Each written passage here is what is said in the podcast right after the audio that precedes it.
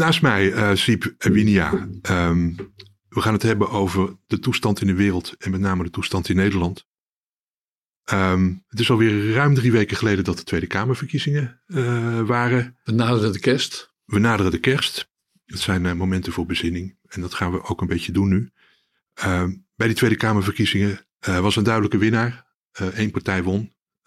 dat wil zeggen, Omtzigt won ook 20 zetels, maar Wilders won er ook 20 en werd met afstand de grootste. Zo is het. partij. Um, en werd zo groot dat die, zo groot hebben we in tien jaar niet meer gehad. Hè? Nee, Nee, echt met, met, met grote voorsprong op de, op, de, op de nummer 2 en 37 zetels. Ja. Uh, dat is allemaal niet mis. Um, normaal gesproken word je dan als winnaar in het zonnetje gezet. In andere landen wel. In andere landen is dat heel gebruikelijk. het komt dan ook wel voor dat partijen die het minder goed hebben gedaan naar zo'n winnaar kijken. En dan niet alleen felicitaties uitdelen, maar ook kijken van kunnen we hier misschien iets van leren. Um, maar wat hebben we de afgelopen drie weken uh, gezien rondom de overwinning van Wilders? Kill the bastard. Yes. Ja. Dus uh, nee, maar het, het, het, we kunnen het iets breder trekken dan, uh, dan Wilders. Ja. Want we hebben het bij de laatste verkiezing hebben we het ook gezien. En misschien met veel meer, meer, verkiezingen zelfs. Maar in ieder geval, de laatste keer was het ook overduidelijk. Ja, je bedoelt de verkiezingen van 21, 2021? Precies, ja. twee jaar geleden. wat is het? Bijna drie jaar geleden. Ja. De verkiezingen die leiden tot het kabinet dat nu nog steeds demissionair aanwezig is, het mhm. kabinet Rutte 4. Uh, eh, en dat begon al na een week, ging de verkenningsfase, waar we nu ook nog uh, net niet meer in zitten, mm. die, ging toen, die blies zichzelf op, zou je kunnen zeggen. Dus Rutte die heeft nog door de Kamer moeten rennen om, om in totale eenzaamheid zijn positie, dus het vege politiek vege te redden. Ja. Dus die man die had voor de vierde keer of daaromtrent de verkiezingen gewonnen, landelijke verkiezingen. Derde keer, ja, 2010, 2012, 2016, 2017. En dus voor de vierde keer dus. Ja, uh, en, uh, en een ambtere week later uh, stond hij, had, leunde hij op de bedelstaf, zou ja, ik maar zeggen. Ja. Hij werd door iedereen gehoond en wegge, weggejaagd, want hij had functie elders of zoiets. Laat. Het werd hem in ieder geval aangerekend dat hij het CDA-Kamerlid, eh, eh, dat nu weer een eigen partij heeft, Pieter Omtzigt, ja.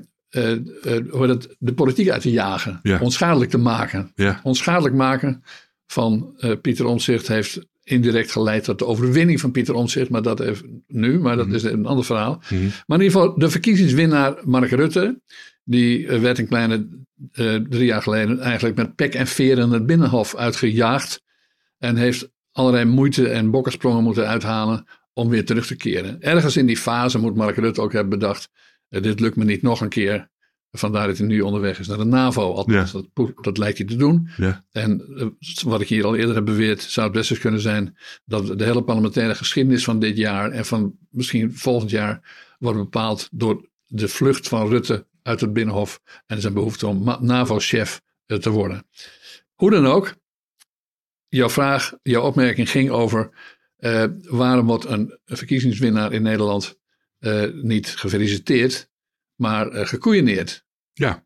En, want zo is het natuurlijk. Wat, wat je ziet de afgelopen weken is, is dat, dat Geert Wilders, die moet spitsroute lopen, die, die voldoet nergens aan. En dat is niet alleen de oppositie. De linkse oppositie die heeft bij het verkenningsdebat, dus het verslag van Ronald Plasterk over zijn verkenningsfase, mm dan moest Mark Rutte, eh, met name, werd hij helemaal gecheckt door links, de linkse oppositie. Ja. Maar laten we helder zijn, die linkse oppositie heeft het niet uitgevonden. Nee, zijn kandidaat-coalitiepartners, uh, dus Pieter Omtzigt en de VVD met name, die, hebben, die doen er ook alles aan om, om Rutte te kleineren. Ja. Het, hij moet overal examen doen, moreel examen doen. Hij wordt echt de maat genomen op een, op een, op een morele eh, toontje, moreel toontje vaak. Ja, toch wel? Je hoort twee dingen, misschien wel drie dingen.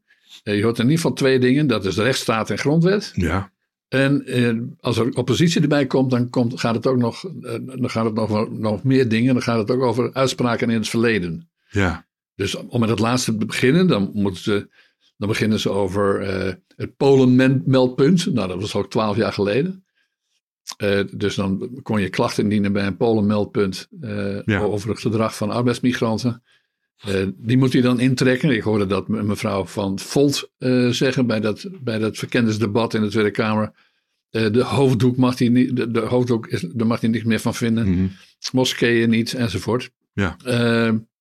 Ja, dat gaat nogal ver natuurlijk. Dat je alles wat je ooit hebt beweerd weer moet intrekken. Om de, de, de overwinning bij de verkiezingen te kunnen vieren. En minister-president te kunnen worden. Ja, dat is een soort, het is een soort kwalificatie, eh, moet je het zeggen. Hij moet, hij moet eerst een soort test doen voordat hij überhaupt... Hij moet helemaal door alle wateren gewassen worden. Ja, Ja? Maar, en, en dus eh, eh, hij moet zich eigenlijk verontschuldigen voor de verkiezingsoverwinning. ja, En in plaats, en dat gaat gepaard met, met een, iets parallels, namelijk dat de verliezers, en dat zijn ze bijna allemaal, buiten deze groep van kandidaten regeringspartijen, ja, dat die, eh, die verliezers die kijken niet naar de redenen van hun verlies, eh, die kijken hoe ze de winnaar kunnen bashen.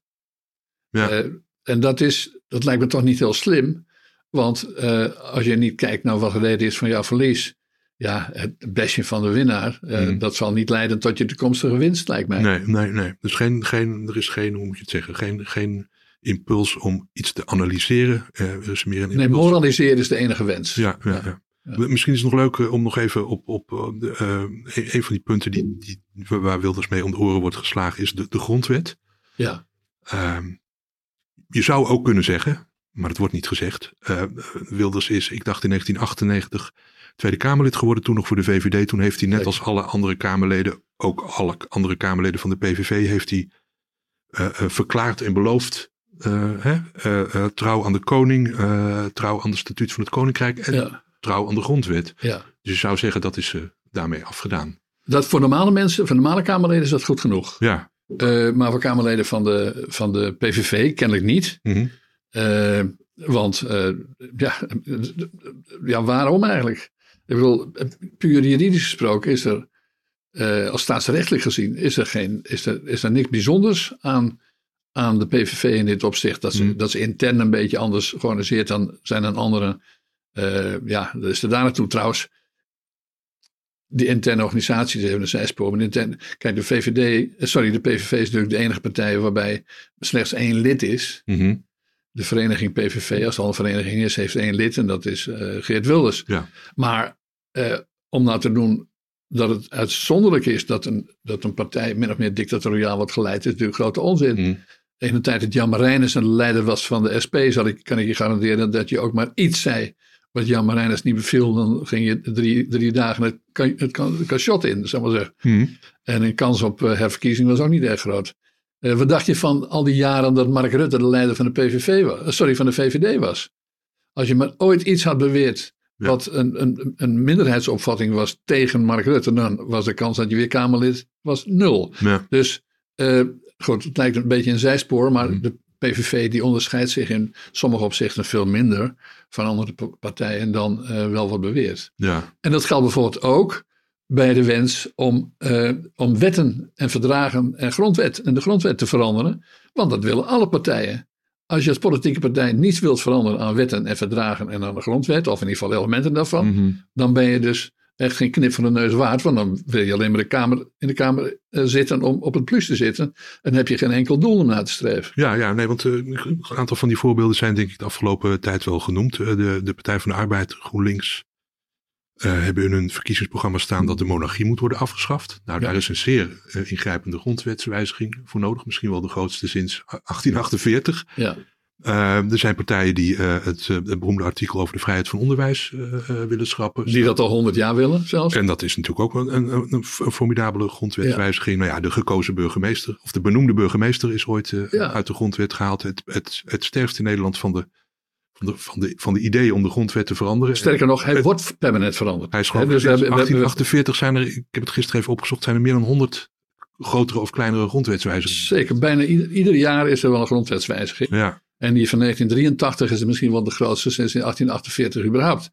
Eh, en trouwens, het was toen meestal, heel vaak zijn dat wijzigingen die met name door links worden gewacht. ja natuurlijk. Ja, want ze willen altijd dat, dat de, de, de opdrachten aan de staat, de taken van de staat toenemen. Hmm. Dat gebeurt dan ook. Vervolgens worden die opdrachten aan de staat niet nagekomen. Maar er staat in ieder geval op papier- dat de staat iedereen een onderdak verschaft en dat soort dingen. Ja. Loze kreten weliswaar. Eh, maar dus eh, dezelfde partijen die het hardst ijveren voor meer, eh, voor meer staat en meer grondwet. Mhm. eh, zijn nu de partijen die het eh Wilders het hardst aanrekenen dat hij de grondwet wil veranderen. Ja. Of zou willen veranderen. Dus het is buitengewoon curieus. We hebben dat in geen jaren meegemaakt dat, dat poli- politici een beroep deden op de rechtsstaat. Mhm. eh, omdat iemand tegen de rechtsstaat. Ja, w- kijk, er valt misschien iets te zeggen dat Wilders niet een volledige eh, liefhebber is van alles wat er in de, in de wet en regelgeving staat. Mhm. En eh, kijk, hij heeft, natuurlijk heeft hij gezegd dat er minder Marokkanen. nou, dat, ze- hè, dat hij dat zou regelen, minder Marokkanen. Laat ik daar ook eens iets over zeggen. Ja. Want niemand doet het ooit. Maar in 2004 hebben we een hele belangrijke wetswijziging gehad. Toen is de invoering, hebben we de invoering gehad van het, eh, van het, eh, het eh, nou van, van nieuwe wetgeving die in feite, maar dat zeiden ze niet hardop, dat doel had om de, de Turkse en Marokkaanse, islamitisch ook, als je wilt, Mhm. bruiden en bruidegommen tegen te gaan. Want er was een gigantische en, en problematische instroom in Nederland. Dat is trouwens zeer effectieve wetgeving geweest. Die heeft ertoe geleid dat er veel minder huwelijksmigranten uit Turkije en, Mar- en Marokko kwamen. Mhm. En ze waren allemaal slecht geïntegreerd. Dus dat was echt heel belangrijk. Ja. Maar dat was kabinetsbeleid. Het kabinet Rutte, dat, eh Balkenende 2 heeft die wet in- geïntroduceerd. En die hadden dus tot doel dat er minder Marokkanen en Turken naar Nederland zouden komen. Dan kun je zeggen, het is niet heel smaakvol wat eh, Wilders roept van minder, minder, minder enzovoort. Mhm. Maar je kunt niet zeggen dat het uniek is. Sterker nog, heimelijk werd dat beleid eerder ook al uitgevoerd. Ja, ja, ja, oké. Het is misschien leuk eh, om, om nog eventjes, eh, eh, om nog eventjes iets uit de parlementaire historie op te diepen. De, kans bestaat, zoals bij elke kabinetsformatie, dat er op enig moment een impasse gaat ontstaan de komende weken of de komende maanden. En eh, dat is niet voor het eerst, want we hebben eh, een geschiedenis van eh, problematische kabinetsformaties. Meestal is het een, een, een vrij langdurig proces met veel sleuren en trekken. Tegenwoordig nog meer dan vroeger. Ja, want we hebben natuurlijk die formatie van 2021 nog vers in het geheugen. Ja. Die 299 dagen duurde, dat was een historisch record. Naarmate de klimaatverandering voortschrijdt, neem, neem ook de formatietijden toe. Ja, dat lijkt erop. Eh, het is misschien nog even leuk om, om te kijken naar twee eh, historische kabinetsformaties waarbij er eh, een uitweg werd gevonden uit de impasse. Het eerste Ja. voorbeeld is dan eh, eh, 1994, Eh, dat is nog niet zo heel lang geleden. Toen was er een formatie die begon met een poging om een paarse coalitie te smeden. Dat lukte niet en toen ontstond er een impasse, want sommige partijen wilden over centrum links, sommige partijen wilden centrum rechts. Ja. En toen kwam de fameuze coup van Beatrix. Het, het is 1994. Het staatshoofd heeft dan nog een, een, een, een, een rol in de kabinetsformatie. En zij was daar niet terughoudend in. Nee, eh, zeker niet. En zeker niet wat ze toen deed, want ze gaf eh, eh, eh, Wim Kok van de Partij van de Arbeid, grootste partij toen bij de verkiezingen van 94, de opdracht. Niet om een kabinet te formeren of om, om partijen te, te vragen of ze mee willen doen. Nee, hij- ze gaf Wim Kok de opdracht om een regeerakkoord op hoofdlijnen Ja. te schrijven. En pas Op de inhoud, zou we tegenwoordig op de inhoud. Ja, En pas daarna zou Wim Kok moeten nagaan, plat gezegd, welke partijen er onder zijn tekst een, een, een handtekening eh ja. wilden. Wie steunt dit regeerakkoord Dus eigenlijk? dat is eh, een, eh, zeg maar de gebruikelijke procedure bij kabinetsformaties, maar dan omgekeerd. Ja. Ehm, eh, het, het, het werkte toen, want eh, eh, er, kwam een kabinet. Het heette de Koep van Beatrix of zoiets. hè? Ja, de koep, de koep van Beatrix. Ja. Nou, de, de koep van Beatrix, dat kan natuurlijk niet meer, want eh, Beatrix is, Nee, is geen staatshoofd toen- meer. En Toen kon dat, ja. toen kon dat. We hebben nu, eh, de, de, we zouden ons niettemin een situatie kunnen voorstellen dat er een impasse ontstaat en dat de Tweede Kamer, want die is nu de opdrachtgever, ja. een, een, de informateur de taak geeft om een regeringsprogramma In de op te praktijk is dat natuurlijk dan niet de Tweede Kamer met z'n allen. Nee. In de praktijk is dat een meerderheid. Een meerderheid. En dat is de beoogde coalitie natuurlijk. Zou dat, is dat denkbaar dat dat, eh, dat, dat opnieuw gaat gebeuren? Jazeker. Ja, dus eh, Ronald Plasterk, die, eh, waar wij nu spreken, eh, krijgt hij de opdracht om informateur te worden voor de komende maanden. Ja, Want ze gaan er weer bijvoorbeeld de ruim de tijd voor nemen. ja, Dus eerst om al die excuses en, en die, eh, die, hoe heet het? Eh, die, die spitsrouteloperij van, eh, van, voor Wilders eh, te organiseren. ja, ja. En daarna over de inhoud. Eh, en terwijl het volk zit te sma- smachten, zoals Wilders geloof ik zelf ook zegt, om inhoud. Inhoud is natuurlijk gewoon, eh, wat gaan we doen, doen de komende vier jaar? Uh, en dat laat zich wel opschrijven. Dat is helemaal niet zo ontzettend moeilijk. En daar is Plasterk misschien ook helemaal niet de verkeerde figuur voor. Nee, omdat hij een vrij rationele man is, wat in de Nederlandse politiek niet, niet, niet gebruikelijk is. Mhm. Vrij ongebruikelijk zelf. Een man met een, weet, een achtergrond in de exacte wetenschappen, misschien helpt dat ja, wel een beetje. Precies, die, die is dus, uh, dat is ook wel gebleken uit zijn columns vroeger in, in, trouwens in de Volkskrant al, tegenwoordig in de Telegraaf. Ja. dat hij over allerlei ingesleten aannames heen kan stappen. Mm en dus als je met een, een, nuchter oog, ik heb soms ook de pretentie dat een beetje te kunnen, met een nuchter oog naar de, naar de wensen van de Nederlanders, van de verkiezingswinnaars en zo kijkt, ja. nou, dan valt er op tal van punten vrij makkelijk uh, een, uh, een regeerakkoord te schrijven. Ja, ja. Ik denk dat het in acht velletjes wel kan, mm -hmm. en misschien zelfs in vijf of zes, in Mhm. ieder geval als het op hoofdlijnen is.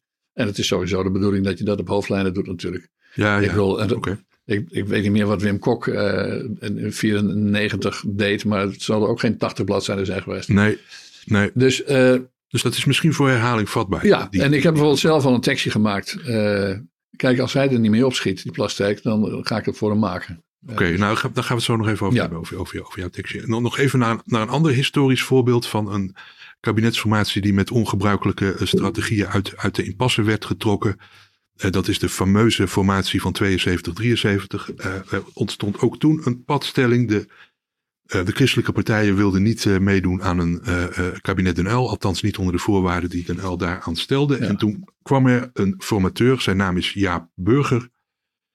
En ehm, eh, ja, dat was eigenlijk een hondsbrutale man. Eh, eh, eh, want die, die, die bedacht, ja kijk, als de christelijke partijen, eh, als de fracties niet willen onderhandelen over een kabinet Den Uyl, eh, dan eh, ga ik helemaal om die fracties heen. Dan ga ik om de partijleiders heen. Dan ga ik Ja. proberen individuele, eh, eh, op individuele basis. Hij ging kan die- schieten onder de duiven van de partijleiders aan de conventionele Ja. kant. Ja. Precies. Ehm, eh, inbreken werd dat eh, toen Ja. genoemd. Eh, Een beetje overdreven, maar ik denk dat dat kwam omdat toen de Watergate-affaire speelde. Nee, het maar ging het ook is- over een inbraak. Het, is, het maakt het wel helder. Het staat in alle geschiedenisboekjes als de inbraak van ja, Burger. En dat lukte, want eh, Burger vond individuele ministerskandidaten bij die christelijke partijen. Met name bij de gereformeerden en de katholieken. bij de, inderdaad bij de ARP en de KVP eh, Ja. van toen, allemaal lang geleden. Eh, maar de strategie van Ja Burger, namelijk buiten de partijleiders om kandidaatministers recruteren uit partijen die hebben gezegd dat ze niet mee willen doen. Ja.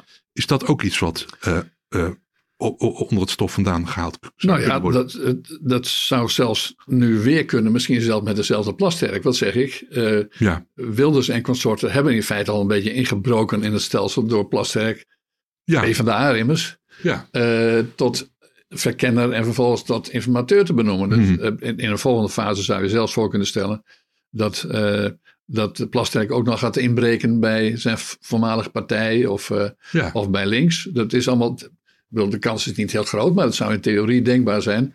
Eh, mocht, het, mocht er bijvoorbeeld een van de partijen of eh, wegvallen uit de, coalitie die nu, eh, Mhm. die- waar nu aan gewerkt wordt. Want dat, ook heel concreet, stel de VVD blijft bij haar standpunt dat ze een rechtskabinet hoogstens willen gedogen. ja, Dan zouden we ons een formateur kunnen voorstellen die, die van dat standpunt kennis neemt en die vervolgens aan Hans Hogevorst, ik noem maar een naam, eh, Ja. gaat vragen of die in, in het kabinet wil gaan zitten. zeker. Dat, Dat is een VVD'er. zeker. eh, en dan, eh, Maar, maar kijk, als, als de VVD vasthoudt aan wat ze beloofd hebben om een, zo'n centrumrechtskabinet wel te steunen, ook al stappen ze er niet in, hmm, dan is het voor de sfeer niet goed als, eh, als er ingebroken wordt in die VVD om de mensen uit weg, weg te weken. Dus in dat opzicht, ik denk eerlijk gezegd dat het, dat, dat scenario om dat in te breken bij een van de coalitiepartijen, potentiële coalitiepartijen, eh, dat dat eh, voor de sfeer niet erg goed is. De omstandigheden waren natuurlijk een beetje anders in die tijd. Eh, alhoewel, de sfeer was toen natuurlijk sowieso slecht. nee, maar. nou ja, Maar ja, nou, nee, goed, dat dit waren toen historische tijden en nu historische Ja, oké, tijden. oké. Dus het, het, het, het is leuk om het op te noemen, omdat het past in, eh, in het rijtje. eh zeg niet dat dingen niet kunnen, want alles kan. Nou, Oké, oké. En dus eh, stel je voor dat, dat de, de beoogde coalitie, inclusief de VVD enzovoort, Hmm, mocht dat toch niet gaan werken, mocht die de eindstreep niet halen over een paar maanden, dan begint alles weer opnieuw of weer anders. En dan kan ook een oplossing zoals deze zou kunnen. Oké, oké, oké. Nou, we gaan het nog even hebben ook eh, over, over het CDA. Een van de verliezers van, de, van, van de verkiezingen. Ehm, als we ehm, het CDA, beter gezegd de teleurgang van, van de christendemocratie, even van een wat grotere afstand proberen te bekijken, pas dan zien we eigenlijk, denk ik, hoe groot eh, eh, dat drama is. Ja. Ehm, het CDA, de voorlopers eh, van- het CDA, een politieke beweging die eh, eind, ne- eind 19e eeuw is ontstaan en die eigenlijk gedurende de hele 20e eeuw eh, de, de, de machtigste politieke beweging. En het begin van de 21e eeuw nog een keer. Hè?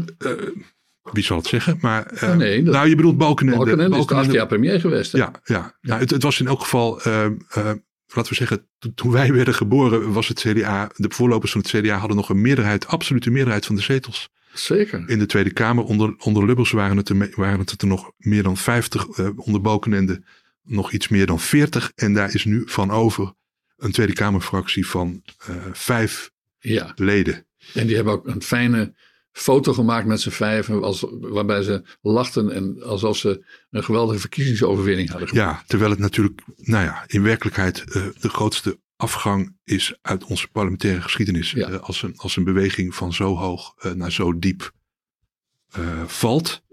Maar net als met de rest, de, de andere verliezende partijen, Mhm. zie je niet veel aan. Hè? Dus de leiders blijven allemaal zitten. Behalve Ja. nu, inmiddels is mevrouw Marijnis van de SP dan wel afgetreden. Maar Mhm. andere verliezende partijleiders hebben daar geen reden voor gezien. Bij de VVD niet. Eh, nou ja, kijk, bij, bij GroenLinks, PvdA hebben ze de zaak een beetje gered door samen te gaan. En net te doen alsof het verleden niet veel groter waren met z'n allen. Mhm. Maar goed, eh, dus de, de verliezers lijken niet te willen vertrekken. Maar bij het CDA is het verlies natuurlijk in historisch opzicht echt dramatisch. Zeker.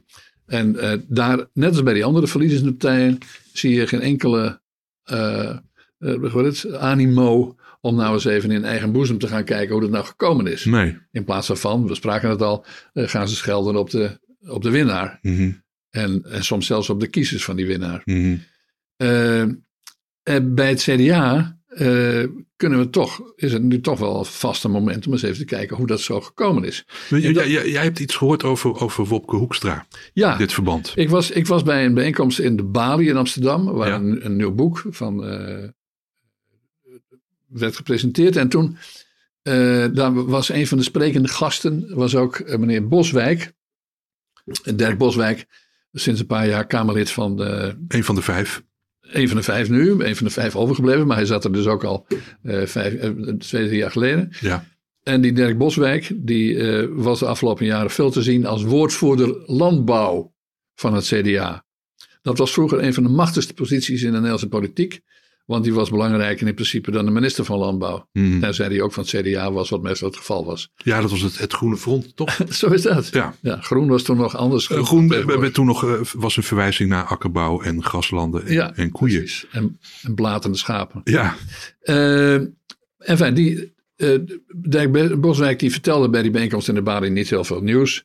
Maar plotseling liet hij zich iets ontvallen wat misschien voor andere mensen niet onthullend was, maar voor mij wel. Hmm. Hij vertelde dat, eh, dat eh, de Wopke Hoekstra, dus de vorige partijleider van het CDA en lijsttrekker bij de verkiezingen van 2021, eh, dat hij tegen hem had gezegd dat hij het roer om wilde gooien bij het CDA op het punt van eh, klimaat en stikstof. Dus eigenlijk, en daarmee tevens het landbouwbeleid. Nou, dat, is ongeveer, nou, dat raakt met z'n drieën zo ongeveer, afgezien van de, de christelijke afkomst, ongeveer de kern van het CDA. Eh, eh, en dat schijnt dus in de achterkamer zo even gebeurd te zijn, onder een kop koffie. Hm. Heeft Wopke Hoekstra dat ken ik besloten. Ik herinner me geen enkel partijcongres waar dat werd besloten. En ik herinner me wel een soort notaatje van die, van die Boswijk, waarin die een, een nieuwe, meer stedelijk idee over het CDA en de, de landbouwbeleid en de stikstof en het klimaat eh, naar voren bracht. Enfin, we weten nu dat dat niet heeft bijgedragen tot nieuwe successen van het CDA. Sterker nog, als je iets moet aanwijzen bij het CDA waardoor het mis is gegaan, dan is het feit dat het CDA een te uh, gereformeerde partij werd. Laat ik dat er even bij zeggen. Mhm. Te weinig katholiek, terwijl de katholieken altijd de CDA groot moesten houden. ja. Eén. Eh, ten tweede dat het een soort stedelijke partij werd. Hm. Dus een soort D66. ja. Eh, C. Dus minder een rurale, regionale partij. En eh, niet bepaald vriendelijk voor het bestaande landbouwbeleid. Hm. Uh, kortom, als het CDA al niet op weg was naar de uitgang, was het met deze opdracht van Wopke Hoekstra aan, aan Dirk Boswijk, werd de ondergang van het CDA wel ongeveer bekroond. Zit daar nog een, uh, is, is er aan, aan deze rampzalige uh, koerswijziging van Hoekstra, er zit misschien nog een fase voor? Want is het niet zo dat Wopke Hoekstra en ook Hugo de Jonge, dat dat mannen waren die binnen het CDA op de voorste rij zijn komen te zitten dankzij Dankzij Sibrand Buma. Ja. Dus Sibrand Buma heeft het CDA weer een beetje, eh, toen hij partijleider was in de, vanaf de jaren eh, 12, hm. Heeft het CDA eigenlijk wel vrij goed gedaan. Met links, linkse media, oh, die zeiden dan dat, dat hij de, de, het CDA naar rechts trok. Ik vond het nogal meevallen. Hm. Want hij heeft gewoon, uh, is gewoon gaan regeren met uh, Rutte 3. En dat was niet bepaald een rechtskabinet, maar goed. Nee. Uh, wat heeft hij gedaan? Die heeft ook aan personeelsbeleid gedaan. Dus Sibran Buma die heeft nieuwe mensen in het kabinet gezet. En dat zou dan mogelijkerwijs de toekomst van het CDA worden. Hm. En dat was met name de, nieuwe, de vicepremier, Hugo de Jonge, wethouder in Rotterdam. Hm. Uh, en voor de rest nooit Tweede Kamerlid, tot op de dag van vandaag trouwens niet. en Wopke Hoekstra, ook nooit Tweede Kamerlid, maar Eerste Kamerlid. Dus de een was wethouder, de ander was Eerste Kamerlid. En de een werd minister van Volksgezondheid of zoiets. En de ander werd minister van Financiën. Wat dus toch, ze werden geparachuteerd. En, uh, en ze waren ook, werden ook vrij goed ontvangen van het jong en fris en weet ik wel wat. Ja. Nou, wij nu kunnen vaststellen, is het CDA werkelijk totaal de mist ingegaan onder deze heren. Dus eerst hebben ze nog gestreden, of leken ze te gaan strijden, over het leiderschap. Dus Wopke Hoekstra en Hugo de Jong. Hm. nou, dat werd dan debakel. Uh, het, het, lijsttrekkerschap van Hugo werd een debakel. Het ministerschap van Wopke Hoekstra werd een paar keer een debakel. En die wordt nu bijvoorbeeld, eerst heeft hij echt wel geweldige fouten, aantoonbaar geweldige fouten gemaakt. En zich ook misdragen als minister van Volksgezondheid in coronatijd en daarna. Mm uh, zich dictatoriaal gedragen, terwijl hij nooit een gekozen minister, uh, minister was. Mhm. En nu uh, ik, kan iedereen aanraden bijvoorbeeld het stuk van Koen Teulings dat in Winnie als Week staat over twee jaar woningbouwbeleid van Hugo de Jonge te lezen. Dat is dramatisch. Ja. Uh, dus hij heeft overal staatsgrepen gepleegd en macht aan zich gegrepen en een soort, een soort socialistisch woonbeleid geïntroduceerd. En het, het, het voorlopige eind van het liedje is dat er minder woningen worden gebouwd en er minder huurwoningen zijn en wat is meer zijn. En de conclusie van Conteulings is volgens mij dat het gaat nog jaren duren om, dit, uh, om, om de schade die door Hugo de Jonge is, is aangericht. Precies, precies, precies. Dus, dus, wat we kunnen zeggen is dat, dat, uh, dat Subran Buma, die zelf helemaal niet zo'n slechte leider was, een redelijk succesvolle leider, hmm. uh, qua personeelsbeleid een buitengewoon slecht beleid heeft gevoerd bij het, het, CDA. Hij heeft twee mensen naar voren geschoven die de, nog een, een meer potje van hebben gemaakt dan het anders sowieso al geworden was waarschijnlijk. Ja. En uh, trouwens, bij diezelfde bijeenkomst in de Bali, waar ik het net even over had, zei Dirk Boswijk dus ook nog iets anders. Dat hij heel erg opgelucht was dat hij nu geen woordvoerder landbouw meer was bij het CDA. Ja.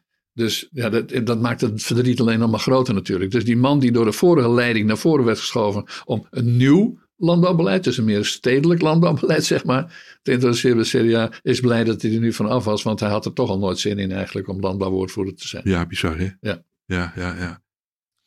Um, so much for the Christian Democrats. En ja, ja, nee, laten we, we, we, we, houden, we, houden, we houden op over, over het CDA.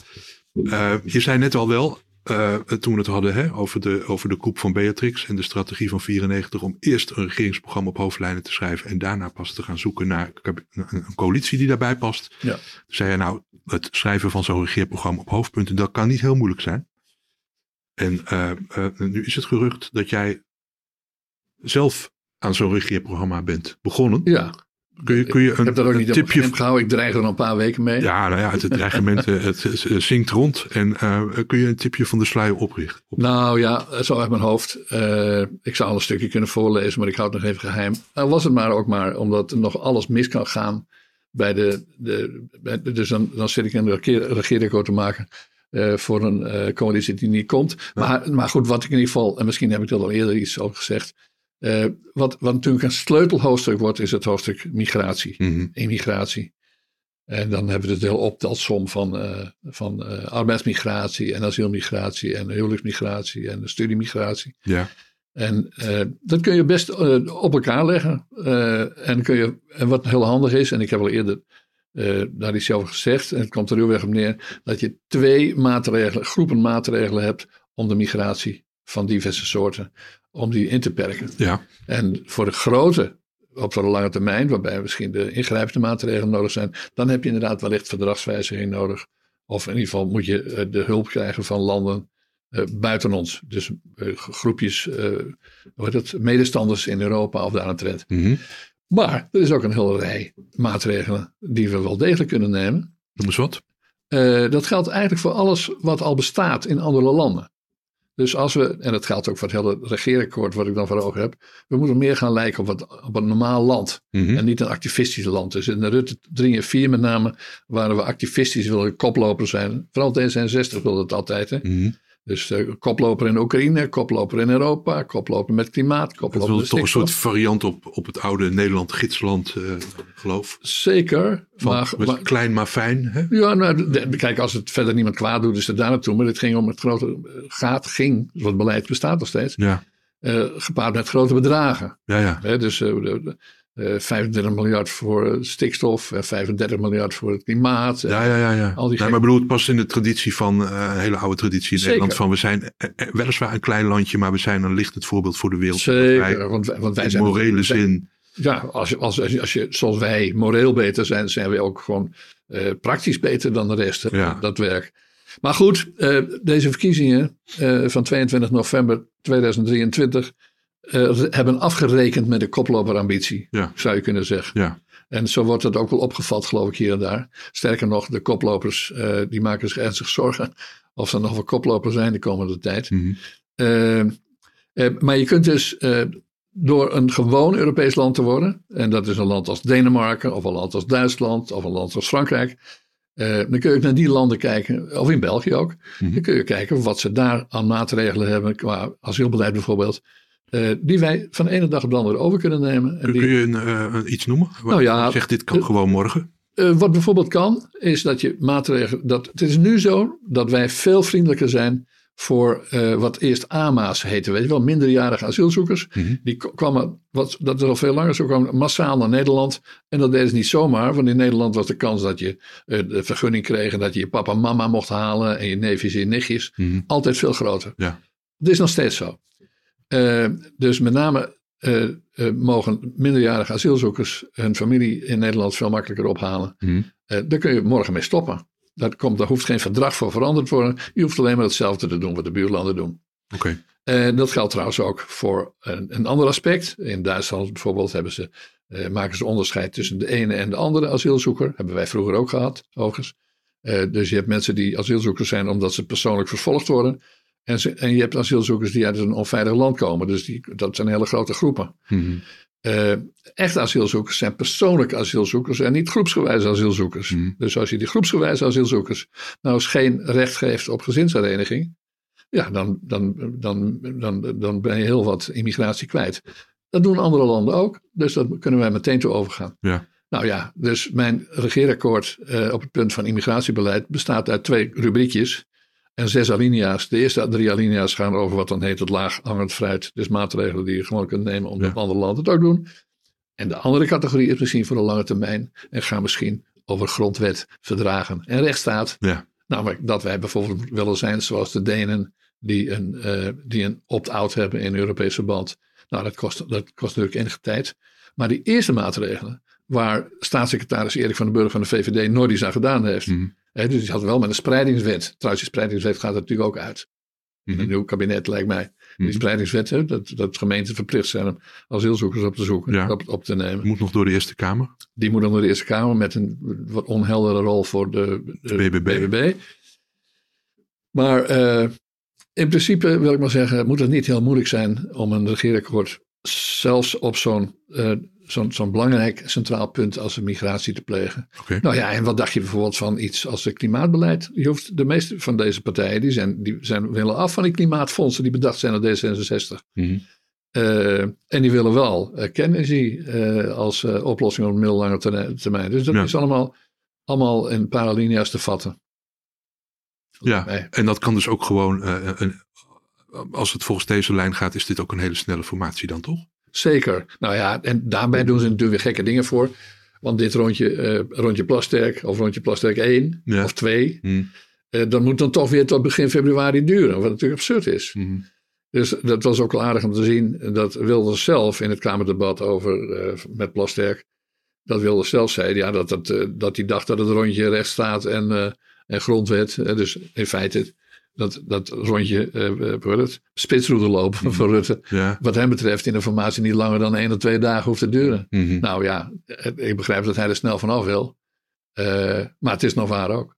Is het, uh, dus misschien nog een leuke glazen bol vraag voor het slot. Is het denkbaar dat Plasterk premier wordt? Uh, omdat niks ondenkbaar is, is dat zelfs dat niet ondenkbaar. Uh, hij schuift nu door van verkenner naar informateur. Ja, en hij kan in theorie ook formateur worden. En dus kan hij in theorie ook uh, het, premier worden. Want meestal is de formateur de premier. Dat, precies, dat was niet altijd zo, maar dat was dat in onze dagen wel. Ja. en dat kan natuurlijk. We weten nu, dat heeft Wilders in ieder geval duidelijker dan ooit uitgesproken, dat hij het logisch vindt en dat ook zijn ambitie dient te zijn dat hij het ook wil, uh, premier wil worden. Mhm. Eh, maar goed, uh, hij, niets is uitgesloten. En dus over de vorm van deze. Van de, als de coalitie al gevormd mag worden, kan worden, dan mhm. is er volgens een grotere vraag. Uh, hoe dat in elkaar gestoken wordt. Wordt het zakenkabinet, wordt het een minderheidskabinet? Maar denk je dat, dat Wilders uh, strategisch eh, zou die stap, die, die concessie zou kunnen doen? Dat hij zegt van nou, ik, ik vind het zo belangrijk dat dit kabinet er komt, dan maar Plasterk. Oh zeker, ik ben er persoonlijk van overtuigd. Want kijk, zoals we ook hier wel eerder hebben besproken, Wilders heeft wel een probleem als hij premier wordt. Ja. En met name is hij dan de controle van zijn eigen partij kwijt. Mhm. En als er iets is wat, hij, wat, wat Rutte wil, behalve dan dus het inperken van de islam in Nederland. Wilders bedoel je? Uh, sorry, Wilders. Ja. Uh, dan is dat wel uh, het controle houden over, over zijn partij. Ja. dus hij, is, hij heeft zijn partij kleine twintig jaar geleden opgericht. kort nadat de LPF in, in, in, in, in hoe het, ja. ten onder was gegaan door rotzooi en gedoe. En toen heeft hij besloten, uh, en heeft hij strak aan vastgehouden, dat er maar één, één persoon de basis in de tent bij de, uh, bij de PVV. En dat is, ja. is hij. Ja. ja, één ding staat vast. Als je premier bent, dan ben je wel mogelijkerwijs, als het een beetje lukt, baas van de coalitie. Of soort van coördinator in ieder geval. Mm -hmm. Maar baas van je fractie in de Tweede Kamer ben je dan niet meer. Nee, dus dat, dat, dat is heel moeilijk. Nou ja, ik moet wel zeggen, Rutte is het ook gelukt. Hè? Mm -hmm. Uh, om, om jarenlang in feite de baas van de VVD te zijn, terwijl hij, uh, terwijl hij niet in de Tweede Kamer zat. Mm -hmm. Dus ja, misschien moet uh, Wilders, laten we zo zeggen, hij zou een voorbeeld kunnen nemen aan Rutte in dit opzicht. Ja, ja nou ja, jij zei net LPF, het, het, het, verhaal gaat ook, het, volgens mij klopt het ook, dat, dat Fortuyn eigenlijk Wiegel op het oog had. Dus dat was een soort ja. gelijke strategie. Dat Fortuyn besefte van oh, ik ja. word misschien de grootste, maar ik ben uh, als premier misschien uh, niet zo geschikt. Nee, of, de, of dat levert te veel obstakels op. Ja, kijk, dus als ik ben als persoon misschien een obstakel voor een coalitie die ik heel Zeker, graag Zeker, maar Ben Wilders zou dus nog een andere afweging kunnen spelen. Namelijk dat hij lekker in de Kamer kan blijven zitten. Zoals Bolkestein bijvoorbeeld ook gedaan. Als, als vicepremier, als een soort semi-vicepremier in uh, eind jaren negentig. Die, uh, dus, maar hij kan er ook nog uh, een baat bij hebben om iemand anders, iemand anders premier te laten zijn. Vraag is wel of. Uh, maar goed, misschien kan die, kan die op die manier fijn inbreken bij links. Wat in feite de PVV natuurlijk al tientallen jaren doet. Ja. inbreken bij links. Ja, nee, dat past in. want de, de, arbeiders zijn, stemmen nu PVV, althans in belangrijke mate. Ja. En dan is het ook niet zo vreemd om iemand van de Arbeiderspartij premier te laten zijn. Ja. De gekste dingen kunnen nog gebeuren. Ja, nou, uh, uh, misschien moeten we daar maar mee afsluiten. De gekste dingen kunnen gebeuren. We zitten hier vast uh, binnenkort weer en dan zijn er weer nieuwe gekke dingen. Gebeurd. Ja, ja, ja. Oké. Okay. We gaan van het ene historische jaar naar het andere. Oké, okay, afgesproken. Siep, bedankt. Tot yes. de volgende keer. En jou ook natuurlijk.